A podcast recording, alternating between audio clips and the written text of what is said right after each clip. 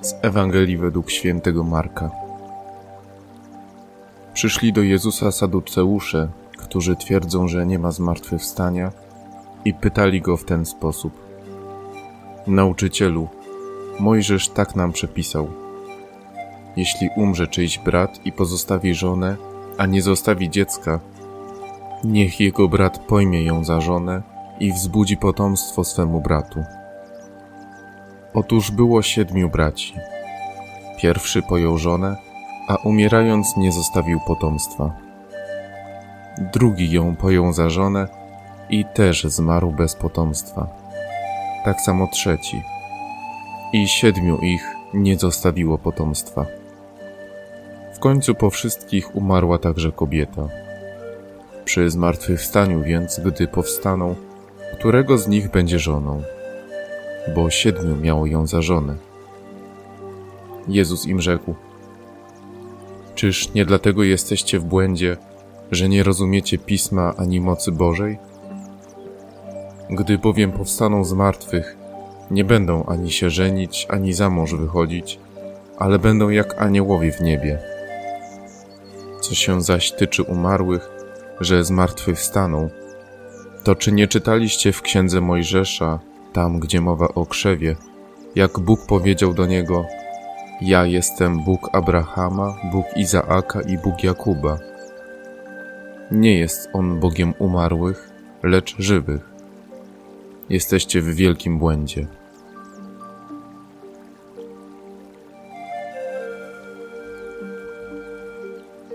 Zapraszam do refleksji nad pytaniem, w jakiego Boga wierzę. Bóg jest Bogiem żywych, a nie umarłych. Kto w to nie wierzy, jest w wielkim błędzie. Kto nie chce żyć, kto nie rozumie wartości życia, ten jest w błędzie. Kim jest Bóg dla mnie? W jakiego Boga wierzę? Czy w Boga, który jest Bogiem życia, miłości i wolności? Czy wierzę w Boga, dla którego wszystko jest możliwe? Od tego tak wiele zależy. Od tego, w jakiego Boga wierzę, zależy jak żyję. I na odwrót, to jak żyję, pokazuje, w jakiego Boga wierzę. Tak wielu dzisiaj żyje, ale tak jakby nie żyło. Tak wielu straciło nadzieję, że coś w ich życiu może się zmienić, że można wyjść nawet z największego życiowego bagna. To, że nie radzę sobie z życiem, może być wynikiem tego, że wierzę w Boga, którego tak naprawdę nie ma, że wierzę w tylko jakąś imitację Boga. Istnieje tyle zafałszowań, złudzeń co do obrazu Boga. Dla jednych Bóg jest sędzią, którego należy się bać, który tylko obserwuje i czeka, aż człowiek się potknie, żeby tylko go ukarać. Dla drugich Bóg jest tyranem, który skazuje jednych na cierpienie, a dla drugich jest łaskawy Najgorsza sytuacja jest wtedy, kiedy jest łaskawy dla grzeszników, a dla dobrych już nie.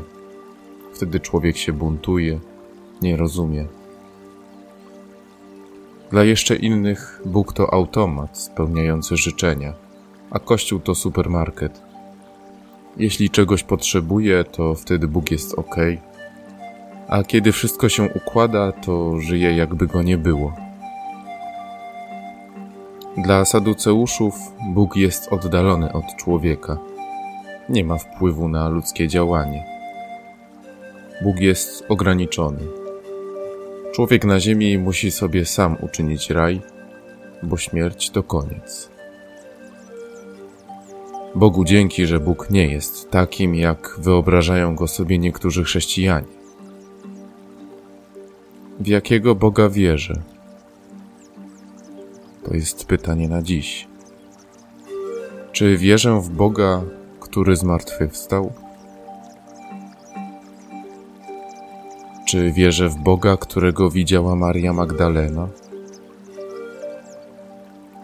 Czy wierzę w Boga, którego spotkali dwaj uczniowie idący do Emaus?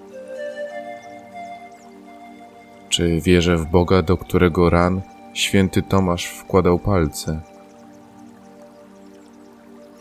Czy wierzę w Boga, który nie rozlicza uczniów z tego, że nie wierzyli w Niego, ale mówi pokój wam, siada z nimi i je kawałek pieczonej ryby?